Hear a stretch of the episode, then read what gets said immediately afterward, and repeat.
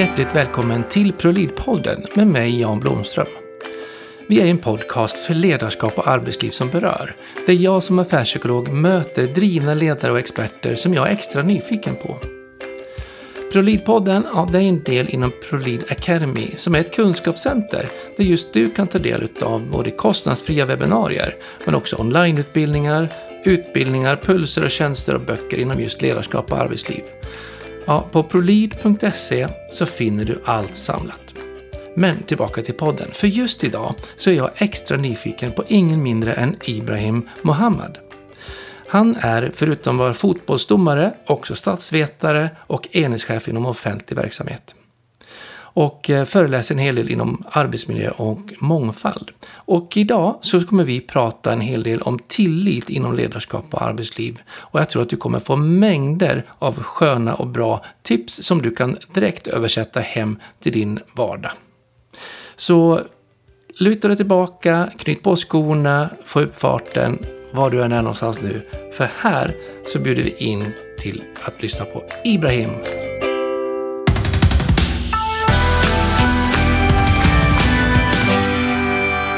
Hjärtligt välkommen till ProRid-podden säger jag till Ibrahim Mohammad.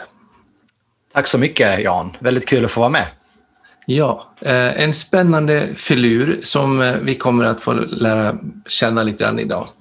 Eh, och vi har ju lite en tema tilliten inom ledarskap och arbetsliv, så vi kommer tillitsfokus framför allt. Och se var vi hamnar någonstans under samtalets gång. Men du är i grund och botten statsvetare har jag förstått och du är enhetschef inom offentlig verksamhet. Kan inte du berätta lite mer vad, vad du är för någon? Ja, eh, jag heter Ibrahim och är då 36 år gammal. Eh, bor i Lund och eh, jag kan väl börja med att säga att jag är fotbollsdomare. Eh, det med fotboll division 4 till 6 och, och det, det älskar jag. Ja. Eh, sen så är jag föreläsare. Jag föreläser om eh, mångfald, tillit och kultur på arbetsplatsen. Eh, och just nu är jag tjänstledig som då enhetschef inom eh, vårdsektorn. Ehm, ja, eh, har erfarenhet av både privat och offentlig sektor då. Mm. Ehm, och, men just nu så är jag föreläsare och utbildare. Ja, medan du är tjänstledig. Det är därför du är tjänstledig? Ja, precis. Ja. Eh, vad är det som får dig att älska fotboll? Fotbollsdomeriet? Men det är ju dels eh, att motionera, ehm, att jag älskar fotboll, att få vara med på planen, ehm, att som domare eh, kunna förbereda inför match, eh, gå dit tillsammans med kollegorna, mm. skapa tillit. Och sen som fotbollsdomare så, så fattar man ju ungefär mellan 300 och 400 beslut per match. Och har man inte med sig kollegorna och spelarna så, så kan det gå riktigt illa. Så det handlar mycket om att kunna eh, motivera varje beslut eh, och, och, och, och, ha kul på planen, så att säga. Eh, och det tycker jag är spännande. Det låter precis som du skulle berätta om en optimal arbetsdag. Ja, precis. När man liksom kan gå dit och man tycker det är viktigt man, man får vara med, man får fatta beslut, man gör det tillsammans. Vi gör det, liksom, man kan förankra, man måste stå för sina beslut och vara med och påverka situationen. Och man får en otroligt tydlig och snabb återkoppling, tänker jag mig i alla fall, om det är så att du gör ett fel domslut, för då blir det bara ut med domaren liksom, direkt. Ja, men precis. det är så inte att man tar upp det på utvecklingssamtalet i vår, utan det är liksom här och då. Ja, ja men precis. Så är det ju. Och, och det är alltid någon som är missnöjd. Ja. Eh, du har ju 22 spelare på planen. Det är alltid någon som är missnöjd. Eh, och sen ibland så har du också publiken som inte är nöjda. Ehm, och, och, och är du inte förberedd och gör du inte ett bra jobb så, så, kan, det, så kan det vara jobbigt på planen. Mm. Um, men det ska också vara lite jobbigt, för det är så man utvecklas ju. Mm. Uh, du utvecklas ju inte när det går jättebra och alla är nöjda med alla beslut, utan det går ju, du utvecklas ju när det är någon som inte är nöjd och du behöver förklara varför du har fattat ett beslut och mm. motivera och få med dig spelarna och sådär. Och vässa argumenten lite grann, tänker jag. Vässa också medvetenheten i sig själv. Alltså varför gör jag det jag gör och varför är vi på jobbet eller varför är vi på matchen? Varför fattar jag mitt beslut? Ja, precis. Man verkligen lyfter argumentationen lite grann. Mm. Och det handlar ju om tillit, Jan. Ja, det måste ja. göra det. Mm. Um, du är också statsvetare. Vad är det i statsveteriet som, som får dig att um, söka dig till just det där? Eller vad, vad, vad var det som fick dig att söka dig till att bli statsvetare, kanske jag ska ställa frågan? Ja, eh, jag är ju egentligen... Eh, så jag började först med en kandidatexamen i företagsekonomi och då jobbade ja. jag inom ekonomi och HR. Eh, men jag har alltid varit intresserad av samhällsfrågor, eh, kulturfrågor, integration, tillit. Och de här frågorna är ju relevanta, inte bara på arbetsplatser, men också ute i samhället. Så jag har mm. liksom alltid varit engagerad i frågor som har med ja, kultur, mångfald och så vidare. Inte bara på jobbet, men också ute i samhället. Mm. Eh, och då tyckte jag det var spännande med hur fungerar Sverige? Eh, hur styrs Sverige? Offentlig förvaltning? Eh, arbetsmarknaden och så vidare. Och då, och då tyckte jag det var spännande med statsvetenskap också. Mm. Det är en hemskt bred bild, kan jag tänka mig. Ja, väldigt bred bild. Precis. Hade jag inte varit psykolog så tror jag att jag skulle vara statsvetare. Ja, men det, ja. det är kul. Kanske också socialantropolog. Jag hade ja. en kurs på det, men så jag gick, väntade på en annan kurs på universitetet när jag pluggade till psykolog. Så läste jag om socialantropologi. Och jag tyckte ja. det var så sjukt spännande. Liksom också där man går in och förstår liksom, det här med kulturella konceptet och samhällssystemen. Mm. Ja, spännande. Men det är Men, kul, för, för saker och ting hänger ihop också. Ja, det är det det gör. Mm, så mm. otroligt liksom. Och, och, ju mer komplext det blir, desto ödmjukare blir man också när man möter de här situationerna. Mm. Eh, vilket för mig är, en, en, i alla fall min bild, en viktig grund för tillit. Ja. Eh, vad har du för bild av, av tillit inom ledarskap och arbetsliv? Berätta lite grann om det. Hur ser du på, på området, ämnet? Um, nej, men det är jätteviktigt. Uh, jag tror att det är bra om man använder forskning, uh, i synnerhet när man till exempel då utbildar och föreläser. Uh, och vad visar forskning? Um, jag tror det är bra om man börjar att prata om brist på tillit. Vad betyder det? Mm. Vad kan det leda till? Och vi vet ju till exempel att brist på tillit påverkar kommunikationen negativt. Och det är självfallet om vi inte litar på varandra, då är det ganska logiskt att vi, att vi inte kommunicerar bra. Mm. Och då kan samarbetet också påverkas. Eh, det blir lättare att hamna i konflikter. Eh, det tar längre tid att fatta beslut. Eftersom jag inte vet var jag har dig så jag, så så jag kanske inte lägger alla kort på borden. Eh, sen kommer vi inte fatta de bästa besluten för vi har ju inte varit oss själva, vi har ju inte hjälpt varandra att samarbeta. Mm. Eh, så det blir ju mycket svårare att leda och vara chef också mm. när det är brist på tillit. Eh, innovationen påverkas om vi arbetar i en grupp och jag kanske inte känner att jag kan vara mig själv. Jag litar inte på kollegorna. Eh, då kanske jag inte säger allt jag tycker och vad jag tänker och så vidare. Så det kan också påverka kreativiteten. Så hela arbetsplatsen kan ju påverkas. Med en snål attityd helt enkelt och en helt återhållsam liksom, situation. Precis, och det blir svårare att lösa konflikter också. Mm. Men, men, eh, vad är då tillit? Liksom? Är det bara en magkänsla eller vad, vad, vad säger forskningen? Um, jag tycker att man ska börja med att titta på hur humanitära organisationer arbetar. Och det här är också forskning som har då, eh, gjorts av Oxfam och flera andra humanitära organisationer som som till exempel bekämpar svält. Mm. Men det finns också forskning från, från konsultföretag som också bekräftar det här. Eh, man skulle kunna dela tilliten i två stycken delar. Eh, del ett handlar då om den snabba tilliten. Ja. Det vill säga tillit som inte tar mycket tid att bygga upp. Men också tillit som är viktig att lyfta fram redan från början. Mm. Oavsett om det handlar om relation eller på jobbet. Det kallas för den snabba tilliten. Mm. Sen har vi den djupa tilliten som, är, eh, som tar längre tid att bygga upp eh, och som är tillit eh, som man behöver arbeta med kontinuerligt. Till skillnad från den snabba tilliten. Mm. Så dels den snabba som vi behöver eh, bygga upp redan från början och den djupa som vi behöver då Eh, kontinuerligt arbeta med och som tar väldigt lång tid att bygga. Tar det lika lång tid att rasera den långsiktiga eller är den eh, snabb att rasera men tar lång tid att bygga upp den djupa? Precis, snabb att rasera, lång tid att bygga upp. Mm. För, det, för den djupa tilliten handlar också om den subjektiva upplevelsen också. Um, till skillnad från den snabba tilliten, där, som då består av fyra stycken faktorer. Um, dels kompetens till exempel. Ja. Um, och den snabba man ska veta sitt jobb liksom och, och, veta vad man är där för och vad som gäller. Och... Ja, precis. Så om jag som kollega litar på att du kan klara av dina arbetsuppgifter på ett bra sätt, då litar jag på dig. Mm. Och, och där har vi ju till exempel ja, vi har ju en, en rekryteringsprocess, vi har ju anställningsintervjuer, vi har ju personlighetstester. Uh, så det är någonting vi kan påverka direkt redan från början. Mm. Och kompetensen är också lite intressant, Jan. Uh, för vad händer när man till exempel är ny chef och aldrig har varit chef tidigare? För då kommer du göra misstag, då kommer du ja, göra bort dig då och då. Och hamnar du då i en organisation som kanske, där det inte finns rätt stöd för dig och där kanske det är svårt att lösa konflikter, man går bakom ryggen, man pratar om varandra istället för med varandra, då kan det vara riktigt, riktigt svårt. Så kompetensen är viktig.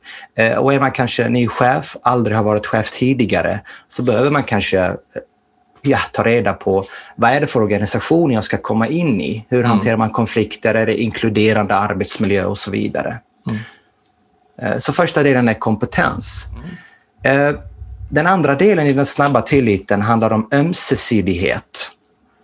Det vill säga, om jag litar på dig, om jag visar dig eh, eh, omtanke, så kommer du lita på mig och visa mig omtanke. Om jag bryr mig om dig så kommer du också bry dig om mig. Och Det här är mm. jätteviktigt redan i början av vår relation, att du som chef, du som ledare visar att du har tillit till personen.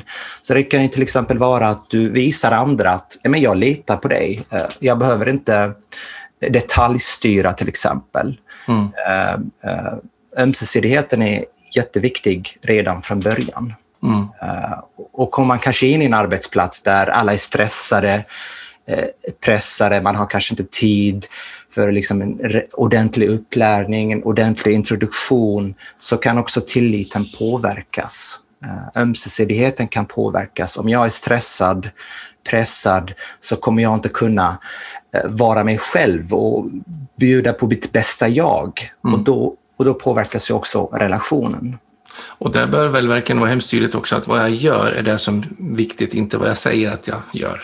Det räcker Precis. inte att säga att jag litar på det, utan jag måste också ge mandatet eller tilliten. Precis. Mm. Precis. Ja, spännande. Kompetens, ömsesidighet. Vad är det mer på den snabba? Integritet. Mm. Eh, och integritet handlar då om att ord och handling går hand i hand, precis det som du sa. Eh, jag säger att jag litar på dig och då måste jag också kunna visa det. Men det handlar också om att jag lever efter våra värderingar. Eh, så att du som kollega, du som chef, ord och handling går hand i hand, men du lever efter företagets värderingar.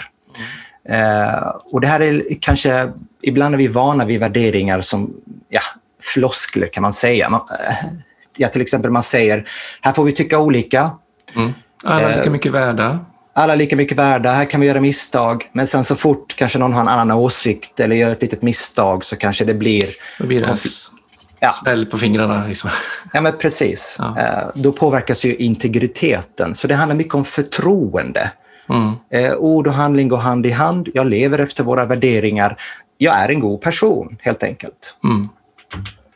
Um, så man inte så kommer runt. Liksom. Man kan inte vara en skitstövel och ändå prata om de här begreppen. Man måste någonstans ta hem läxan till sig själv och liksom bottna. Ja, men precis. Precis. Ehm, och, och, eh, och då tycker jag att du som lyssnar kanske nu ska gå igenom de här punkterna. Men hur, hur är det hos oss? Var ligger vi där? Kompetensen, ömsesidigheten, integriteten. Skala 1 till 10, var ligger vi? Mm. Eh, för det här påverkar ju den snabba tilliten och ta en diskussion med dina kollegor, tänker jag då. precis. Ja, men precis, en ärlig diskussion helt enkelt. Mm. Så man har samma bild. Eller om det är stor spridning på uppfattningen hur vi har det. Eller är det så att vi faktiskt ser samma sak? Ja, men precis. Mm. För det kan ju vara så här att man har helt olika upplevelser. Det sker en händelse men det är helt olika perspektiv på det hela. Mm. Och då behöver man kunna diskutera. Var det en faktor till på de snabba? Den snabba, eh, det är faktor nummer fyra då. Eh, transparens med information. Det vill säga att jag känner att du inte undanhåller information eh, från mig för att jag ska kunna göra ett bra jobb. Mm. Jag får ta del av informationen. Eh, det handlar inte bara om att skicka mejl utan det handlar också om att jag får den informationen jag behöver för att kunna göra ett bra jobb. Mm. Och återigen, vad händer om vi har en ny anställd under en, en hektisk period? Då kan det vara kanske så här att introduktionen och upplärningen inte blir så bra. Mm. Och då kan det, ja, den här känslan av att någon undanhåller information också påverkas. Så vi behöver då vara transparenta. Sen kan det här också påverkas självfallet om vi har en organisationsförändring. Eh, man behöver varsla. Hur mycket ska man berätta? Vad ska man berätta? Vad ska man inte berätta? Eh, för det här sätter ju spår, att mm. man inte får ta del av informationen och det påverkar också tilliten. Jag brukar, min erfarenhet är att man eh, nästan alltid tolkar det som att då ska jag få veta, få information om allt. Mm. Och samtidigt, om man ser på en trygg miljö där man har grad, hög grad av tillit, så behöver man ju inte veta det jag behöver veta. Mm. Eller jag skulle kunna veta. Jag vet att, att om jag behöver så kan jag få veta det, men jag, jag behöver inte få överinformation hela tiden. Ja, men precis.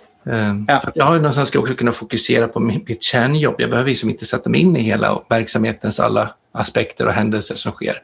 Ja. Men det är heller inte en stängd dörr. Mm. Så att om jag frågar så är det liksom transparent och öppet. Transparent och öppet eh, och det är för att du ska kunna klara av ditt jobb. Ja. Eh, för mycket information blir ju inte heller bra. Nej, ehm, ja. därför drunknar man liksom i det. Ja. Ja, spännande. Så, eh, det är de här fyra faktorerna Jan, som man behöver från början mm. av relationen i, i liksom när man börjar på en ny arbetsplats till exempel. Den här djupa, den snabba tilliten. Det här är saker man också ser. Vi jobbar en hel del med veckopulser för att checka av stämningen på arbetsmiljön och hur den utvecklas från vecka till vecka i, i mitt jobb.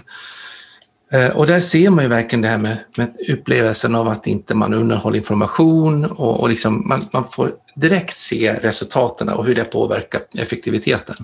Så att eh, otroligt spännande också att koppla på täta pulsmätningar till att fånga upp just de här sakerna så att man snabbt kan gå in och, och ge åtgärder. Mm, mm. Um, för de är ju hemskt generella, liksom otroligt viktiga och centrala liksom och, och man kommer liksom inte undan dem. Nej, nej. Mm. Men hur skiljer sig då den här snabba tilliten mot den här med djupare tilliten, alltså man behöver jobba lite mer långsiktigt åt? Mm. Ja, den djupa tilliten tar ju tid att bygga upp. Uh, för det är till exempel inte som nu kompetens. För kompetens det kan vi kanske mäta på något sätt. Mm. Men den djupa tilliten handlar mycket om den subjektiva upplevelsen. Uh, man skulle kunna kalla det för arbetsmiljö, inkluderande arbetsmiljö och så vidare. Men det är den djupa tilliten som då består av eh, sex faktorer eh, och som man då behöver kontinuerligt arbeta med. Mm. Ehm, och faktor nummer ett handlar ju då om kompatibilitet. Det vill säga, drar vi åt samma håll? Har vi gemensamma värderingar? Eh, eh, eh, har vi en gemensam plattform att stå på? Mm. och det här kan man kanske, det är svårt att mäta, men man kan samtidigt också eh, försöka liksom förstå hur är det på, i, liksom, på jobbet. Har vi subgrupper? Eh, är jag rädd för att göra misstag? Vad händer när någon gör ett misstag? Pratar vi om varandra? Sprider vi skvaller? Eh, är vi rädda för att ge varandra feedback, mm. då är det kanske att vi inte har eh, en gemensam plattform att stå på, att vi inte går åt samma håll. Då kanske man ska börja med kompatibiliteten. Eh, har vi gemensamma värderingar? Lever vi efter våra värderingar, så att säga? Mm. Jag brukar prata i termen av att eh, den här festen, jag bor ju på en ö, eh, och så kan man ha som målbild liksom, den här sommarfesten där vid stranden ja. ut mot havet. Liksom, lägerelden far och gitarrerna spelar och liksom, ja. den stora sommarfesten. Liksom. Ja. Har vi en samsyn på var vi ska någonstans? Varför är vi på jobbet? Och har vi en samsyn på hur vi ska ta oss dit? Vi följer cykelvägen norrut så kommer vi till den där stranden så vi kan inte missa den. Så Men har vi precis. en gemensam plattform, har vi den här samsynen på hur vi ska bete oss på jobbet, ja men då kommer vi att uppnå våra mål. Mm. Alltså någonstans kan man få en grov samkänsla i det där. Mm. Den, hela det här inne känns det som. Ja, att vi vill liksom åt samma håll. Ja. Eh, och det här är också jätteviktigt. Eh, jag hade till exempel en föreläsning för några veckor sedan eh, eh, för en organisation som nu ska arbeta med en mångfaldsstrategi. Mm. Eh, och vill alla arbeta med det, ja, men det är ju, då är det jättebra. Då, då ska vi åt samma håll. Men är det så att människor är lite osäkra, vissa är skeptiska, eh, en del är negativa, vissa är positiva, då behöver man sätta sig ner och bestämma vart ska vi? Hur ska vi komma dit? Varför är vi skeptiska? Hur ska vi arbeta med detta? Så att det inte liksom bara eh, en massa floskler man ska komma med, en inspirationsföreläsning och sen händer ingenting. Eh, utan det är viktigt att vi drar åt samma håll. Och få in här whyet, varför ska vi göra det här? Varför är det viktigt? Ja. Varför? Ja. Faktor två. Faktor två handlar då om förutsägbarhet. Eh, och förutsägbarhet handlar egentligen om att vara konsekvent över tid i olika situationer. Eh, så om jag är förberedd idag, om jag kommer i tid, om jag kan hantera konflikter och så kanske jag är otydlig imorgon, jag undviker konflikter, jag är, för, eh, jag är inte i tid och, jag, ja, och så vidare. Då vet du inte vad du har mig. För förutsägbarhet handlar egentligen om att man tittar bakåt för att titta framåt. Mm. Först tittar vi bakåt. Hur har Ibrahim agerat tidigare? För att liksom kunna förutse hur kommer han agera i framtiden. Och Det handlar mycket om att kunna agera konsekvent. Eh, och Det är därför det är lite jobbigt ibland när vi kanske ska få en ny kollega, en ny chef. Vi vet inte riktigt vad vi har dem. Eh, och Då behöver man agera konsekvent eh, över tid. Eh, det är kanske lite lättare sagt än gjort. Öppnar man dörren och ska gå ner i källaren så vet vi att trappan har varit där i 20 år så att då kan vi fortsätta bara gå ut i trappen. Ja. Är vi inte trygga på hur Ibrahim har skött sig så då står vi där och verkligen undersöker om det finns en trappa eller inte. Nej, men precis. Precis, och ibland är det liksom första intrycket det enda man kommer ihåg, tyvärr. Eh, eh, men men liksom förutsägbarhet handlar inte om att vara perfekt. För är det så här, återigen, om man kanske är ny chef, aldrig har varit chef tidigare. Eh, man kommer att göra misstag. Man kommer att göra bort sig ibland. Och har vi då en inkluderande arbetsmiljö eh, eh, så, så, så kommer det inte skada så mycket. Men är det så här att vi har en dålig arbetsmiljö, då kommer ju det vara mycket jobbigt. Eh, Så att agera konsekvent, men inte vara perfekt. Och det tänker jag både i beteenden, att man beter sig likartat, alltså, och det inte är samma som att man aldrig ändrar sig, utan, men, men att man i alla fall har en förutsägbarhet i det. Men också i strukturer, rutiner, belöningssystem, vad är det man får beröm för, vad får man löneutveckling för, så att inte det skiftar från månad till månad eller år till år eller grupp till grupp. Ja, men precis. Så att det är både struktur och beteende på personliga delarna. Eh, och sen också att när man gör förändringen, om man ska ändra sitt beteende så vet man att ja, men nästa vecka kommer jag börja ändra, mig, ändra mitt beteende. Och sen att den planen också blir efterlevd. Mhm. Eh, skapar också den tryggheten och förutsägbarheten. Ja, Eh, precis. Jag har dykt ganska mycket genom åren med, med, med tuber på ryggen och sån typ av dykning. Och då Ja. hade man, pratar man om att prata- dive your plan, and, nej, plan your dive and dive your plan. Ja. Så planera ditt dyk och dyk din plan. Ja. Eh, planerar man på 20 meter, ja, men då var 20, minuter, 20 meters djup med 30 minuter. Och var du ner på 30 meter, ja, men då förbrukar man luften mycket fortare och då dör man. Mm. Ehm, och då funkar ju inte det. Så det måste också verkligen vara...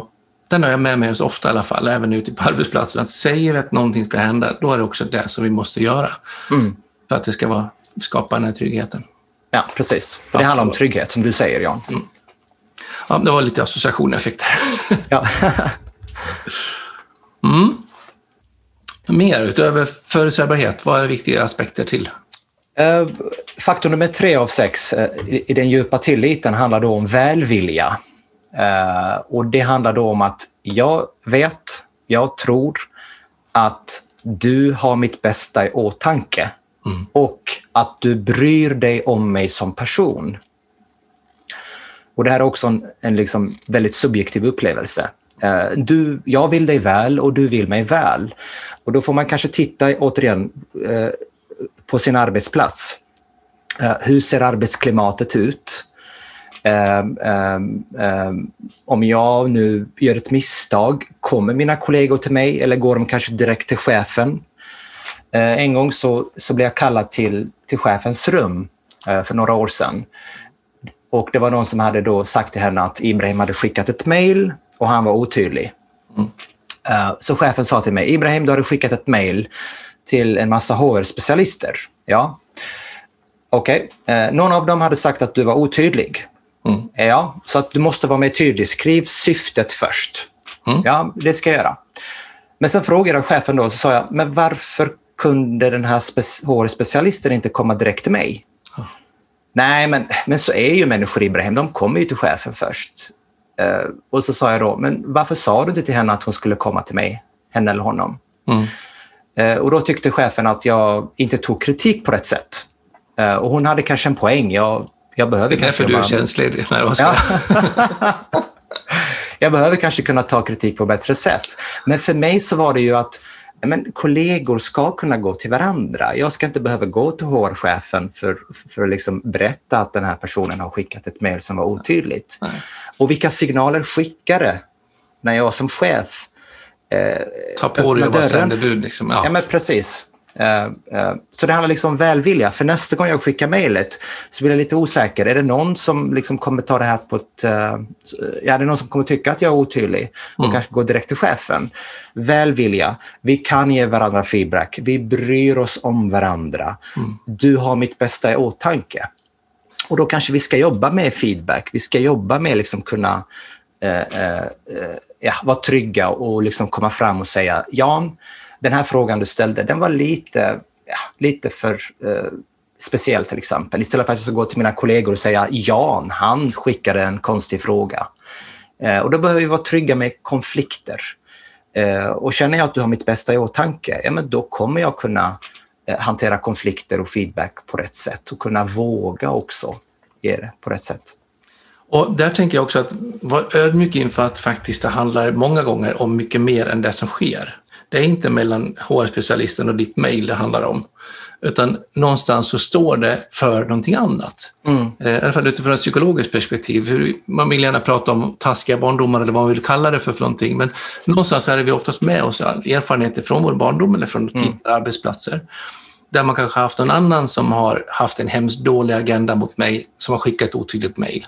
Mm. Eller någonting sånt där som gör att det triggar igång. Mm. Så att vid, vidgar man bara perspektivet lite grann när man har de där samtalen så kommer man ju så mycket längre fram där man kanske mm. ska lista ut vad, vad står det för? Varför var det så jobbigt att mejlet var otydligt? Liksom?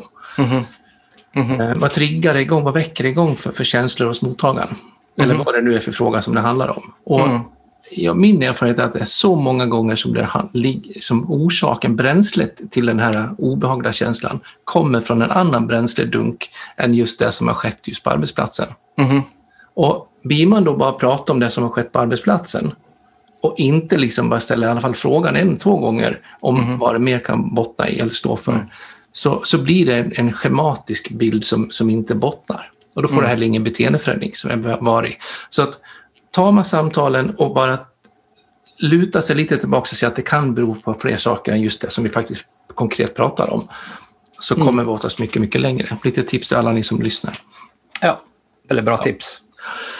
Mm. Onkedonk, välvilja, vi ska vilja varandra gott. Vad är nästa? Nyfiken. Uh, välbefinnande. Mm.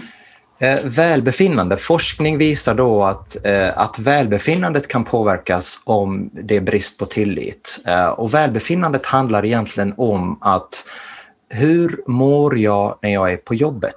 När jag är med min grupp? Mm. Man skulle kunna säga att det handlar om att jag inte har någonting att frukta. Uh, och jag tror att det kan också påverka hälsan. För vad händer om du går till jobbet uh, en vecka, två veckor, kanske upp till ett år där du inte mår bra på jobbet? Mm. Uh, hur kommer det påverka hälsan efter ett, två, tio, femton år? och Det här är jättevanligt, Jan, när man kanske känner sig inte inkluderad i gruppen, men också ibland när man känner sig underrepresenterad Eh, och Det här visar forskning kan också leda till någonting som heter covering på engelska. Det vill säga att man döljer eh, en del av sig själv. Man låtsas kanske vara någon man inte är för att då passa in i gruppen. Mm. Eh, och det kanske kan vara... sin sexuella läggning eller sina intressen eller vad det nu kan vara. Precis, mm. precis. För att passa in. Oftast är det en stigmatiserad identitet vi försöker dölja. Eh, och då blir man försiktig, man kanske sticker inte ut, man tar inte risker, man kanske inte tar på sig fler utmanande arbetsuppgifter. Och Det här kan också påverka om man blir befordrad eller inte till exempel. Mm. Eh, så välbefinnande, om jag känner att eh, jag mår bra på jobbet, jag har ingenting att frukta. Jag kan göra misstag, det får inte konsekvenser. Eh, jag blir inte mobbad på jobbet. Eh, du har ju haft en del eh, intervjuer om just mobbning. Mm. Då mår man ju bra på jobbet och då, mm. och då har man det bra. En liten associationeffekt där igen nu är att man pratar hemskt mycket om att det är viktigt att sätta mål. Många av dem jag träffar är hemskt högambitiösa och vill hemskt mycket och liksom verkligen ha högt, höga ambitioner det jag märker i det, det är ju att man blir så tondöv, jag vet inte riktigt vad man ska kalla det för, men man, man, man blir så fokuserad på målen man har satt upp, man har gjort dagsmål, och veckomål, och livsmål och kvartalsmål och alla sådana saker och så kämpar man och köttar på och ska prestera. Mm. Och så lyssnar man inte på magen. Mm. Den flummiga flosken, magen någonstans, som när man går till jobbet på morgonen, vad är det för känsla magen jag har? Mm. Den är jättehög korrelation till just det du pratar om här nu med att har jag ett väl, väl utvecklat välbefinnande på mitt jobb? Mm. Känner jag att jag får vara den jag är? Kan jag bli respekterad? Kan jag, liksom, jag behöver kanske inte visa upp alla mina sidor, men jag skulle kunna. Mm. Om det var lägligt, om jag mm. hade, fick feeling. Um, och det är nästan alltid magkänslan som är första larmet. Så att alla ni som lyssnar, ta ner med örat på magen och lyssna lite grann och se hur ni känner när ni går till jobbet. Mm. Innanför de här, jag ska minsann och jag ska ta marknadsandelar, jag ska skapa utveckling eller jag ska, vad det nu är för någonting. Mm. Mm. Ja, men precis. Mm, den är viktig, den där. ja. Mm. Femte då? Vad är femte faktorn? Um, innan jag går till femte faktorn så ja. kan jag kanske också tillägga att, att, att uh, välbefinnandet, uh, har vi till exempel eh, blame-kultur där vi försöker hitta syndabockar så fort mm. det går fel, eh, då, då, eh, då är det ett tecken på att det är någonting som är, som är också fel. Mm. Eh, och då påverkas också välbefinnandet. Eh, så kanske fråga dig själv, hur ser det ut på arbetsplatsen? Vad händer när vi gör misstag? Mm. Kan jag verkligen vara mig själv på jobbet? För har vi den här blame-kulturen där vi hittar syndabockar, då, då påverkas välbefinnandet. Och den är lika viktig, tänker jag då, om det är så att jag alltid skulle lägga mig själv. Ja, men det är mitt fel. Jag duger inte. Jag håller inte måttet eller vad det nu är. Mm. Eller skulle lägga mina kollegor, mm. eller ledningen intern. Eller att man alltid lägger det utanför sig själv. Ja. Alltså alla de tre är ju lika, lika vanliga, eller, på, eller för lika skadliga. Ja, men precis. Mm. Sen eh, har vi då en annan punkt. Och är det punkt nummer fyra nu? Eller är det punkt nummer... Punkt nummer fem nu. punkt nummer Ja, inkludering är mm. punkt nummer fem. Och Det handlar om att man känner sig inkluderad i gruppen. Ehm, och, eh, och Den är lite speciell tycker jag, för att jag, jag tycker att man ska gå lite längre. Mm. Om vi börjar med inkludering så kan det vara att, att Eh, man känner sig inkluderad när vi fikar, man får vara med på lunchen till exempel. Men det handlar också om att man får vara med i olika projekt där man kanske får eh, bli utmanad och växa. Men man skulle också kunna ta inkluderingen till en helt annan nivå och prata då om representation. Det vill säga att, att när du tittar upp i organisationen så känner du dig representerad. Mm. Eh, eh, vi har till exempel inom offentlig sektor, vårdsektorn, mm. vi har ju till exempel tiotusentals anställda Eh, och vi har många kvinnor, många som är utrikesfödda, som, mm. som är läkare, lä, läkare, undersköterskor, sjuksköterskor. Mm. Men det är inte många av dem som faktiskt klättrar, klättrar och blir chefer. Mm. Um, och då handlar det om att man tittar uppåt i organisationen och så tänker man, kan någon som jag eh, bli chef, klättra Mm. och så vidare. Eh, och om man inte känner sig representerad, oavsett om man är kvinna, eller homosexuell eller utrikesfödd, eh, så påverkas också den här känslan av att man inte är inkluderad i gruppen. Mm.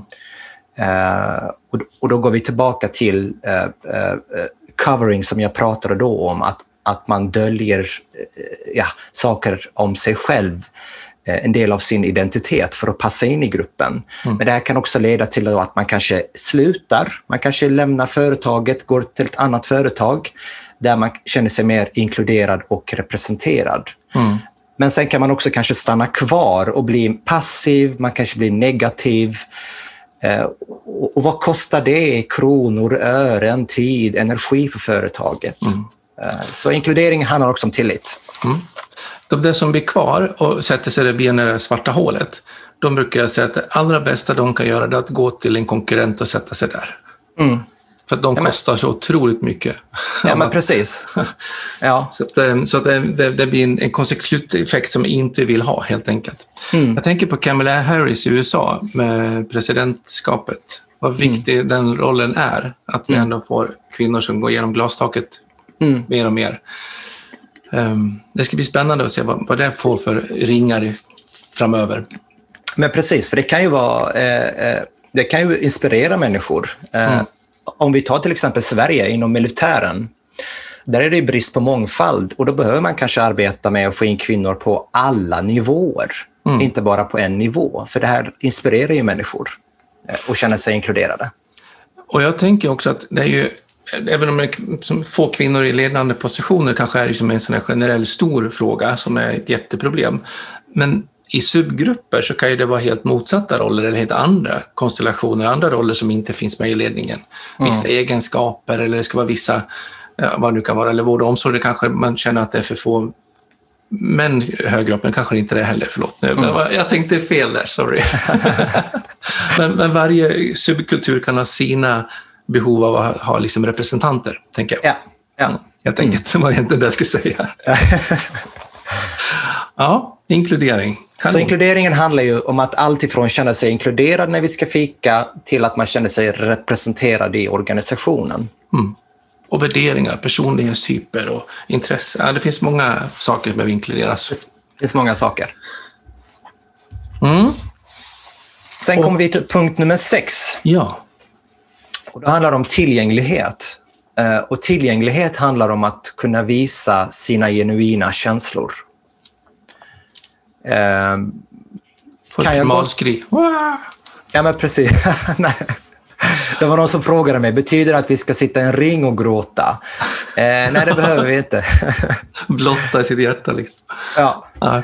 Men det betyder att jag ska kunna våga visa vem jag är. Eh, eh, jag kommer ihåg en gång när jag, när jag berättade för en chef jag hade att jag behövde hjälp med eh, ett samtal jag hade. Mm. Eh, och, och jag fick hjälp och tips och det var jättebra. Eh, Men sen kändes det lite som att, ja men har du den kompetensen Ibrahim för att kunna ta det samtalet? Eh, Och, och det jag kände sen efteråt, det var att jag bad om hjälp, men diskussionen började handla om min kompetens. Mm. Eh, Och det är inget fel med det. Men vad händer nästa gång jag behöver hjälp? Då blir jag lite mer försiktig. Jaha, förra gången var jag kanske lite mer sårbar och då började vi prata om min kompetens och jag vill ju inte framstå som en inkompetent ledare till exempel. Då blir jag kanske lite mer försiktig, låtsas att jag har svaren till allt och att allt är under kontroll. Och då är det ett tecken på att man kanske eh, att det är låg tillgänglighet på arbetsplatsen. Då behöver man kanske eh, föra en diskussion kring detta. Mm. Eh, Och då går man tillbaka till kompatibiliteten. Har vi en gemensam plattform att stå på? Kan jag vara mig själv på arbetsplatsen? Eh, eh, för man ska kunna våga be om hjälp, erkänna sina misstag och så vidare. Kunna vara sig själv, vem man är. Mm. Det starkaste man kan vara är att vara svag, brukar jag säga. Mm. För att är man inte stark, då måste man visa sig stark. Mm. Men är man stark, trygg, känner att jag är, är liksom hemma, jag har, står på kärnis under fötterna, då kan jag också visa mig ganska prestigelös och, och, och sårbar. Mm. Ja, Men man gör det inte så många gånger om man då blir ifrågasatt och, nej. och attackerad liksom, i sitt fråga eller område som man visa sig sårbar inom. Liksom. Ja, men precis. Och, och är man sårbar och, och tas det emot av gruppen på ett bra sätt, Mm. då är det inga problem. Eh, så att jag är, jag är en stammare, jag stammar.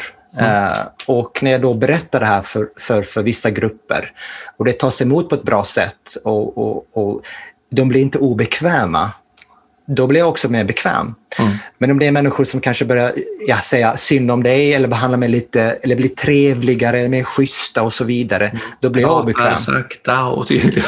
Ja, men precis. Så det handlar också om hur tas det emot av gruppen. Ja. Eh, och, och, och Det här hänger ihop lite med inkluderingen. För känner jag mig inkluderad i gruppen, representerad i organisationen, ja, men då kan jag vara sårbar. Mm. Är det okej till exempel att vara kvinna, eh, eh, vabba ibland eller homosexuell eller att man är muslim och så vidare, då kan man visa de här sidorna. Mm. Absolut. Eh, Jag tänker överhuvudtaget de här djupa, eller de går i varandra så, men, men mycket av de här djupa, de bottnar ju också i saker som verkligen har sina källor långt utanför sin arbetsplats. I och med att det också tar så lång tid, tänker jag, så är det ju saker som har påbörjats långt, långt innan man ens kommer till arbetsplatsen. Mm. Eh, och kommer att vara även lång tid efter man har slutat sin arbetsplats. Så att det handlar mycket om, om självkänsla, eh, livssituation, är jag nöjd med tillvaron, jag känner mig trygg i min nästan hela sociala nätverk. Liksom. Mm. Mm. Hur ser relationerna runt mig ut? Mm. Vilken typ av uppskattning har jag fått genom åren? Mm. Så att den är en, eh, en stor fråga som, som jag, vi, vi psykologer, vi, vi gå alltid i terapi. Eh, och då får man ibland, blir man ju bemött som att man ska liksom ha några egna problem bara och måste gå i terapeutiska situationer. Mm. Men för mig handlar det egentligen om att läsa instruktionsboken om sig själv. Ja. Att ha koll på vad det är jag triggas igång på, vad det är jag känner mig hemma med och vad liksom, att ha en kunskap om, om hela verktyget, mig själv. Mm. Eh, För att ska kunna liksom både tolka sig att ja, men det här jag går igång på nu, det kommer faktiskt från dig, Ibrahim, som inte skrev något tydligt mejl. Mm. Eller säga att okej, det där du gjorde nu med mejlet, det triggar ju faktiskt det där som jag var med om för fyra år sedan. Mm. Jag måste ha koll på de här sakerna om vi ska liksom verkligen på riktigt göra ett bra, vara schyssta mot varandra. Så att Mm. inte jag heller projicerar och ger dig skulden för någonting som egentligen kommer från, från en annan arbetsplats som jag jobbat på eller en annan familjerelation eller någonting sånt. Mm, mm. Och det här måste väl också kunna väl vara på en autopilot? Eller hur ser du på det? Att det, är liksom, det är inget man tänker på, utan det är liksom... Alltså, framförallt har man tänkt på det, då blir det på autopilot. För då, har, då, då är det färdigbearbetat. Eh, jag brukar tänka sig att man under trygga situationer behöver man stanna upp och kanske tänka lite medvetet på det. Eh, det kan man göra någon gång ibland, antingen ute på sin fisketur eller i terapilokal eller när man går ut och går med hunden. Eller jag har ett ljus som jag brukar tända på, ett prolidljus som jag, som jag jobbar med tomglo, som jag tycker är nästan det bästa ledarverktyget. Stanna upp, tänd ditt ljus och bara låt blicken fara iväg lite tomt. Eller titta in i väggen eller någonstans. Och låt liksom tankarna och, och göra en, fara fritt och göra lite nya kopplingar. Det gör ju att man liksom ser mönster på lite nya sätt. Mm. Och sen när du liksom släcker ljuset eller kommer in från hundpromenaden, då kan du gå ut och så, då, kom, då går det på autopiloten för då har det liksom integrerats in i ditt normala mindset. Mhm, mm. Och då blir det en variant av autopilot. Så det är ju sällan man behöver liksom säga, åh just det, nu var det så här och då tänk, kommer det därifrån. Utan det, här, det ligger liksom i en självbildsmosaik i botten som gör att när du skickar det mejlet, då, mm, ja just det, triggar ju, jag kände igen det, att det kom från min gamla arbetsplats. Och så säger du, kan du ta och skriva om det lite tydligare så att jag mår bättre av det? Mm. Då, då har det liksom bara, ge, ge mig en riktning i samtalet som gör att det inte går i clinch med dig. Mm. Mm. Utan de kan hjälpas åt. Ja. Mm. Um, hörru du, rent praktiken nu då. Nu har vi liksom koll på de här både fyra faktorerna inom snabba tilliten och vi har gått igenom lite av de här djupare faktorerna på djupa tilliten. Vad är viktigt i praktiken? Liksom, tänk dig en arbetsplats här idag. Alla som lyssnar. Så vad, vad, om de verkligen ska göra några konkreta saker som underlättar för att få en bra trygghet och hög tillit på arbetsplatsen, vad behöver man göra då?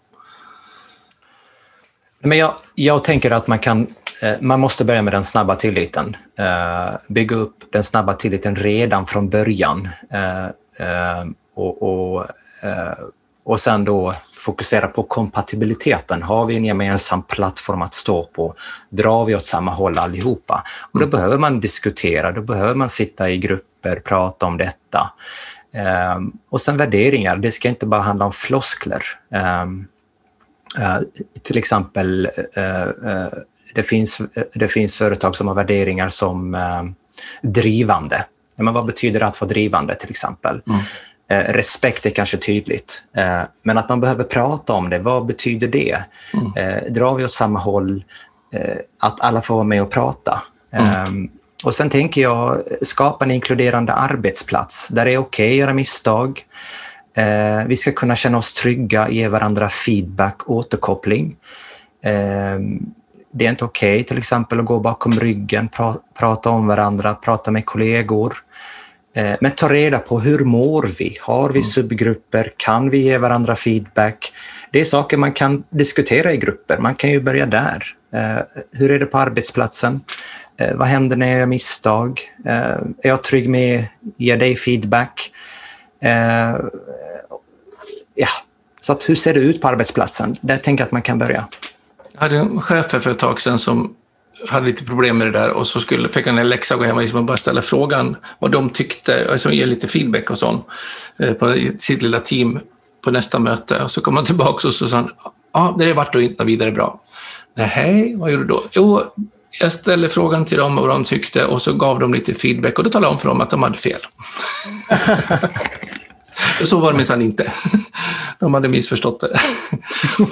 Ja, så det gäller ju verkligen att kunna ta, ta liksom fråga, men också låta bli att gå i svaromål, utan bara lyssna in många mm. gånger. Mm.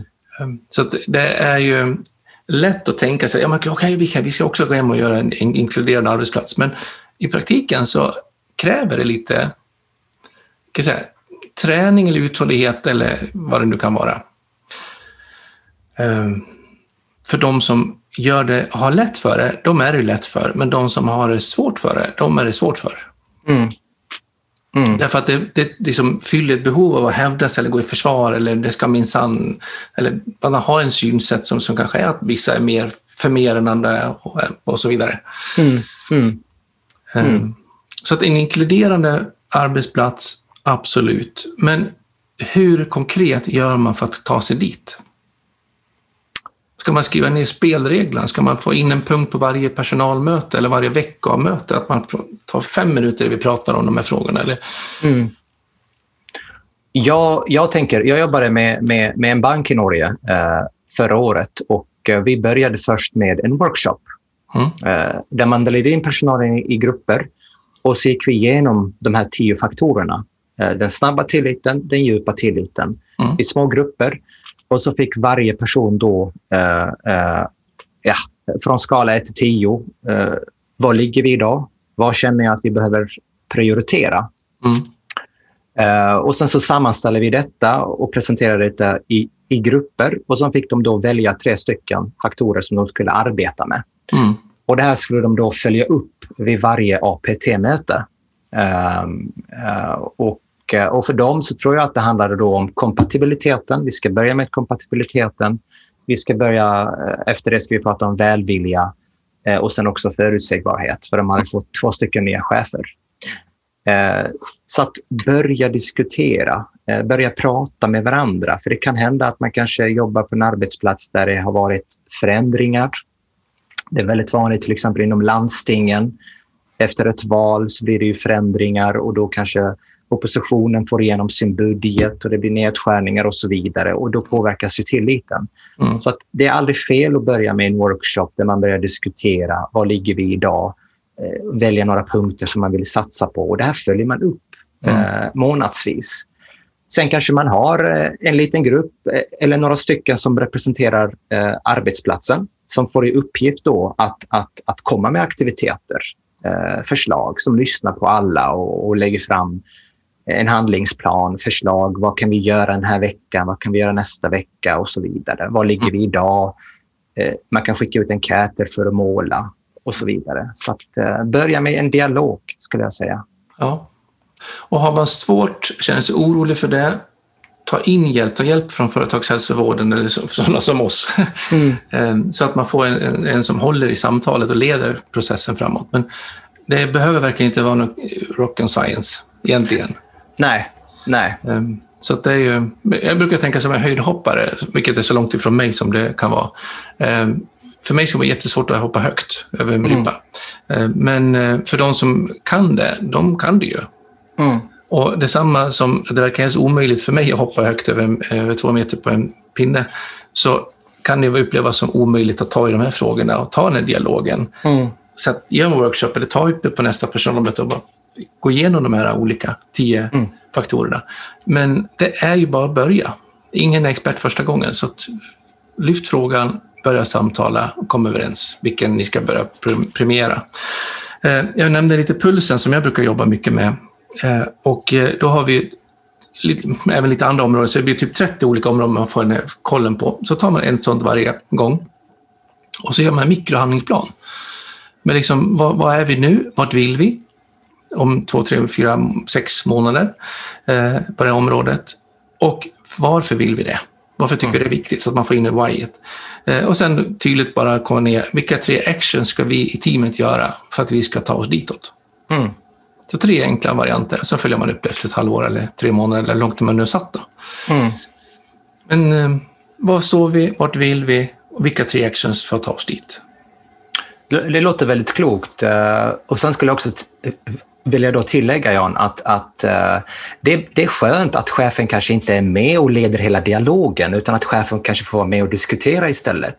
Ja. Att man tar in någon extern. För ibland så är chefen en del av problemet. Mm.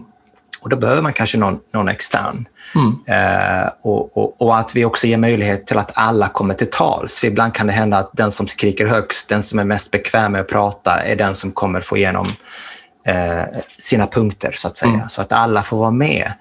Eh, och är chefen ja. en del av problemet så betyder det kanske inte alltid att chefen är ett problem. Nej.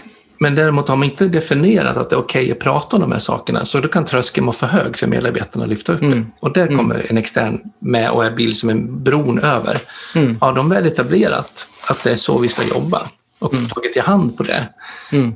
Då, är ju, då behövs ju inte den externa där längre, för då, då är det liksom tröskeln redan bortmonterad. Mm. Mm. Och då kan de börja en positiv spiral som gör att man växer tillsammans. Mm. Ja, spännande. Det här har vi kunnat hålla på i flera timmar till med känner jag. Men eh, vi ska låta våra lyssnare få vila öronen lite grann. Eh, mm. Men det har varit jättespännande att ta hör, del av dina diskussioner och punkter och, och idéer. Eh, om man vill komma i kontakt med dig och höra mer med dig, var, var får man tag på dig någonstans? Ja, då är man välkommen och eh, min hemsida är eh, ibrahimtalar.se. Mm. Ibrahimtalar.se så, så kan man kontakta mig där. Så där får man all information? Ja. ja. Så sök upp Ibrahim och se vad ni kan ta arbetet vidare med på er tillit på er arbetsplats. Tusen tack att du kom och gästade ProRid-podden. Jag önskar dig en riktigt fin fortsättning på dagen. Tack själv Jan. Väldigt trevligt att få vara med. Tack. Hej. Ha det bra. Hej. Om du gillar avsnittet, ge då tummen upp och följ oss så blir vi jätteglada. Och passa även på att följa oss på LinkedIn, Instagram och Facebook. Både när det gäller ProLead och mig själv Jan Blomström, ja, så lär vi ju faktiskt känna varandra ännu lite bättre. Ta hand om dig så hörs vi vid vårt nästa avsnitt.